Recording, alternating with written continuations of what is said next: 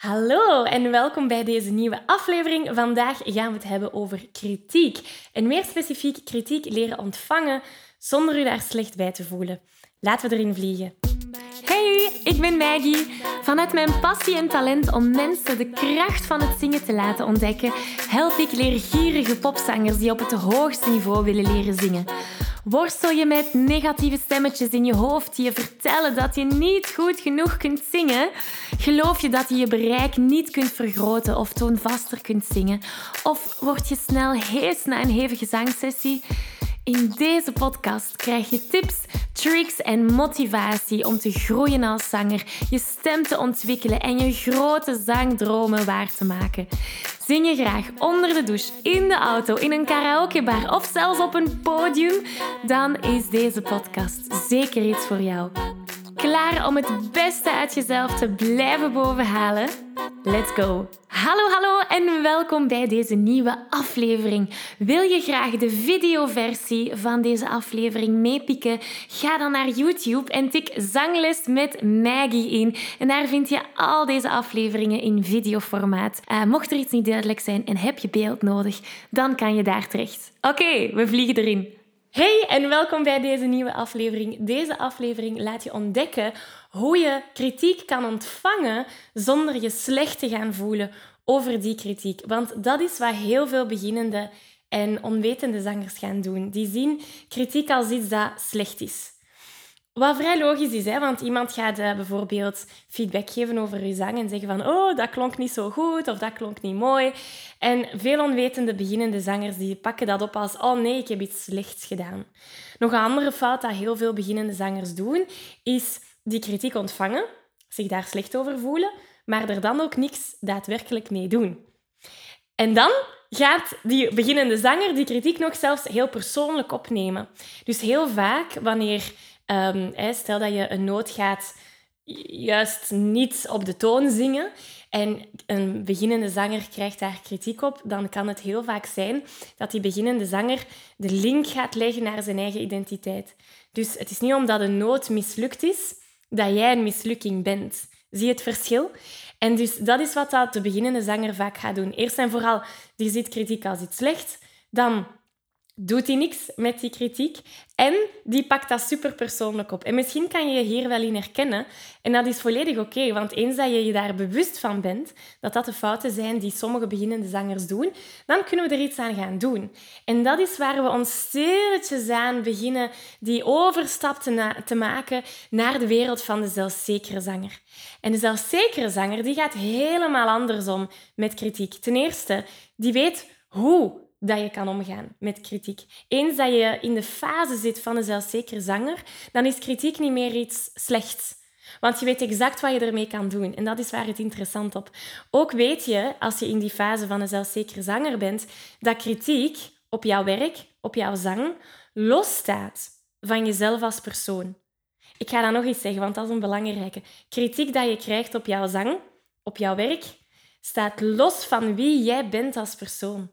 En de beginnende zanger die gaat vaak die link maken. Als je in de fase van een zelfzekere zanger bent, dan ga je kritiek ook met open armen ontvangen, omdat je weet dat je er iets mee kan doen. En meer enkel dan weten, je gaat er ook daadwerkelijk iets mee gaan doen. En dat is waar dat er enorm veel te ontdekken valt. Dus zoals je weet werken we altijd vanuit de Zingen Zelfvrij formule. Die bestaat uit vier grote pijlers. De mindsetpijler, de zangtechnische pijler, de creatieve pijler en de verbindingspijler. En vandaag bevinden we ons in die eerste pijler, de mindsetpijler. Dus we gaan even naar dat innerlijke werk gaan kijken. Want kritiek, iedereen ontvangt dat. Als je geen kritiek ontvangt, wil dat zeggen dat je jezelf niet laat zien of horen. En als zanger is dat net wat we graag willen doen. Onze passie voor het zingen met anderen gaan delen. Of dat dat nu op het podium is, of dat dat nu in een koor is, of in een band, of tijdens een jam night of een karaokeavond. We zingen omdat, wel, veel van ons zingen omdat we dat graag doen, omdat dat onze passie is. En heel vaak de volgende stap daarbij is, wauw, ik wil die passie delen. Ik wil het plezier dat ik ervaar tijdens het zingen delen met anderen. En dan, als we dat doen, dan mag je ervan uitgaan dat je kritiek gaat ontvangen. Zelfs nog meer, ik wil dat je kritiek ontvangt. Want als je geen kritiek ontvangt, wil dat zeggen dat je op veilig blijft spelen. Dus hoe kunnen we dan omgaan met die kritiek? Laten we het daar eens over hebben. Het eerste is dat we die kritiek moeten verwelkomen.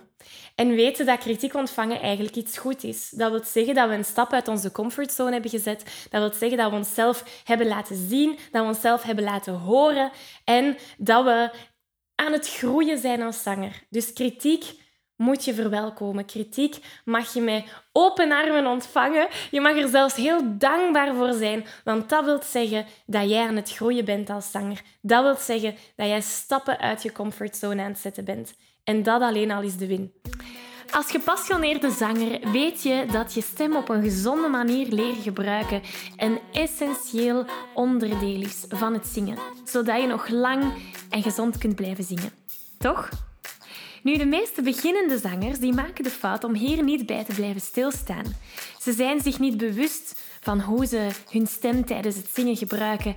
En ze weten ook niet hoe ze deze op een efficiënte manier kunnen gaan gebruiken, zodat ze met gemak kunnen gaan zingen. De realiteit is dat het niet enkel genoeg is om je stem mooi te laten klinken tijdens het zingen. Het is ook van belang om de juiste vaardigheden te ontwikkelen om je stem gezond te kunnen gaan gebruiken, zodat je al die hoge en ook die lage noten op een makkelijke manier kunt gaan zingen. En daar wil ik je heel graag mee helpen. Ik organiseer binnenkort een workshop die je de belangrijkste zangtechniek gaat meegeven. Je leert spelen met je stemkleur, met je strotten of positie, zodat je in enkele minuten hoge noten zonder spanning kunt gaan zingen. Dus mocht je er graag willen bij zijn, meld je aan voor deze gratis workshop via zanglesmetmaggie.be slash zangtechniek. Ik kijk er naar uit om aan de slag te gaan. Dat is eigenlijk stap 0.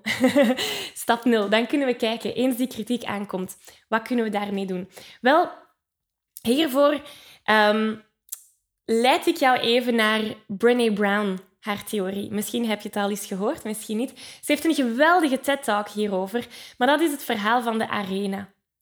Dus het is belangrijk als we kritiek ontvangen, dat we kunnen gaan onderscheid maken.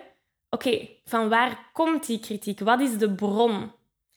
En er zijn bronnen die ertoe doen, waar we naar moeten luisteren. En er zijn bronnen die mm, niet zo productief zijn. En dat is waar het verhaal van de arena in komt kijken. Dus stel, je hebt een arena.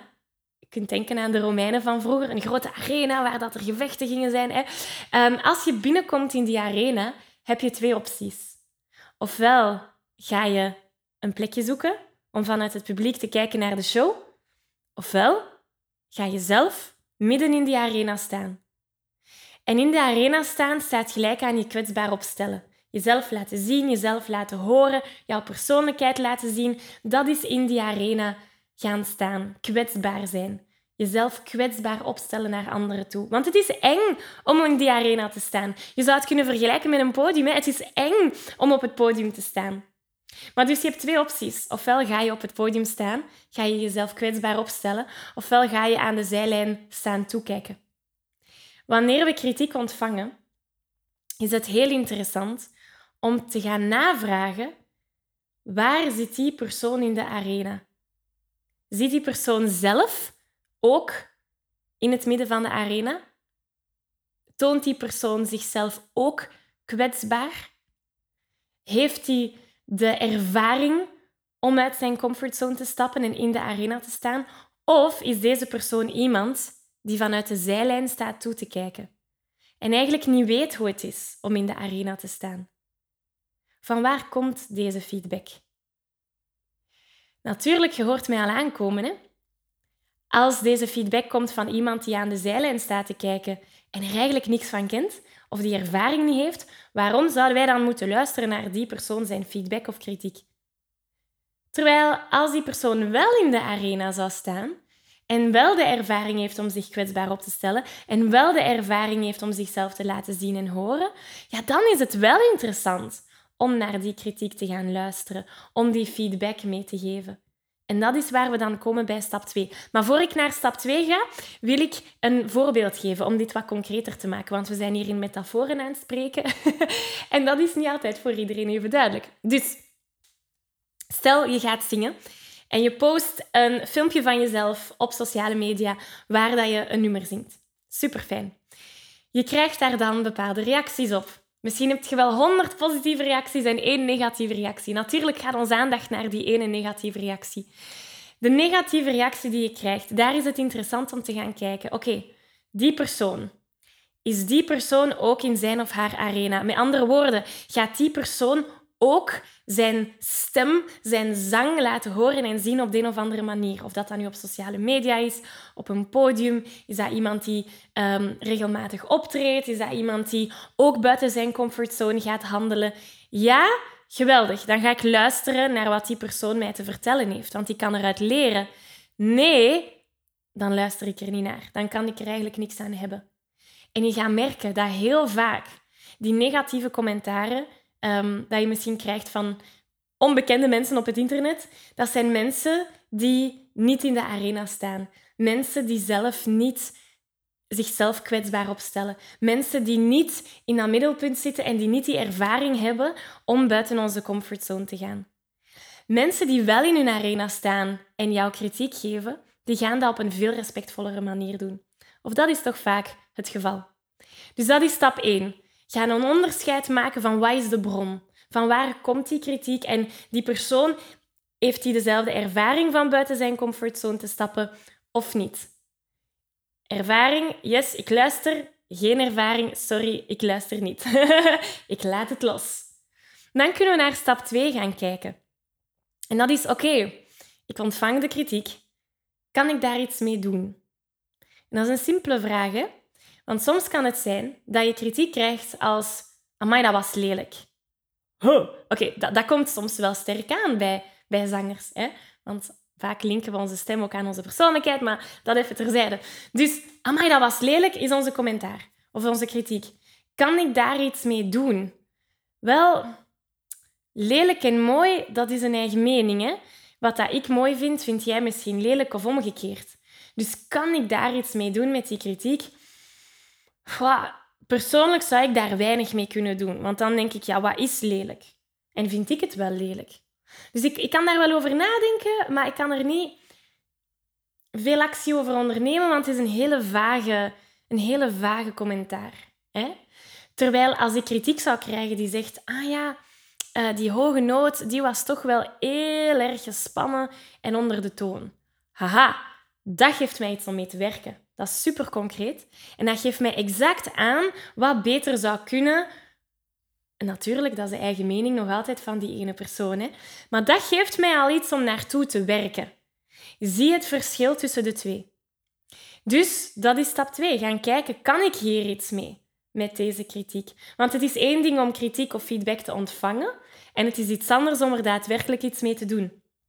Als je feedback vraagt of als je kritiek ontvangt, moet je dan met elk puntje feedback aan de slag gaan? Nee, niemand, niemand gaat jou daartoe dwingen om dat te doen. Het belangrijkste is dat jij kan filteren hoe, wat, wat, wat is voor mij het belangrijkste? Waar kan ik het meeste uit halen? Dat is, dat is het geheim. Dat is het geheim van succesvol zingen. dus samenvatting. Stap 1 is identificeren van waar komt die kritiek? Staat die persoon in zijn of haar arena of niet. Sta je niet in de arena, dankjewel voor uw feedback ehm, en ik laat het liggen. En dan stap 2, kan ik hier iets mee doen? Kan ik hieruit groeien? Kan ik vanuit deze kritiek een betere zanger worden? En die twee stappen die gaan jou helpen om dat slechte gevoel dat we soms ervaren los te laten als we kritiek ontvangen. Natuurlijk, kritiek ontvangen is één ding. En als je dan iets kan doen met die kritiek, stap 2, en, en een betere zanger worden, heel vaak heeft dat ook te maken met zangtechniek. want het voorbeeld dat ik gaf was, ja, die hoge noot was een beetje genepen. Oké, zalig, volgende stap. Wat kan ik doen om mijn zangtechniek te gaan verbeteren? En dat is waar ik jou uitnodig naar mijn gratis workshop die binnenkort van start gaat. Hij heet Ontdek de krachtigste zangtechniek. Haha, alles over zangtechniek. Uh, de workshop is helemaal gratis en dat is eigenlijk een prachtige volgende stap om dit allemaal in de praktijk te gaan zetten. Dus ik nodig je daar van harte voor uit. Ik zal de link hieronder in de beschrijving vermelden. Ga daar nu op klikken, dan zie ik jou in de workshop binnenkort. En voor de rest wil ik je heel erg graag bedanken om hier deze tijd samen te hebben gespendeerd. En heel graag tot volgende week. Dankjewel. Dag. Ik geef je een virtuele high five. Deze aflevering zit er alweer op. Ging dat ook veel te snel voor jou? Je nog meer weetjes, oefeningen en zangtips wil, ga dan naar zanglesmetmaggie.be. Wil je eerder deel uitmaken van de leukste online zangfamilie? Word dan lid van onze privé Facebookgroep. Hij heet Zangles met Maggie. Hier kom je in contact met gelijkgestemde zangers, krijg je feedback, aanmoediging en zelfs gratis zanglessen. Vond je deze aflevering leuk en waardevol? Abonneer je dan zeker op deze show. Deel het met je vrienden en laat een review achter, zodat we nog meer zangers kunnen bereiken en de kracht van het zingen kunnen verspreiden. Dankjewel voor je enthousiasme, je steun en tot binnenkort.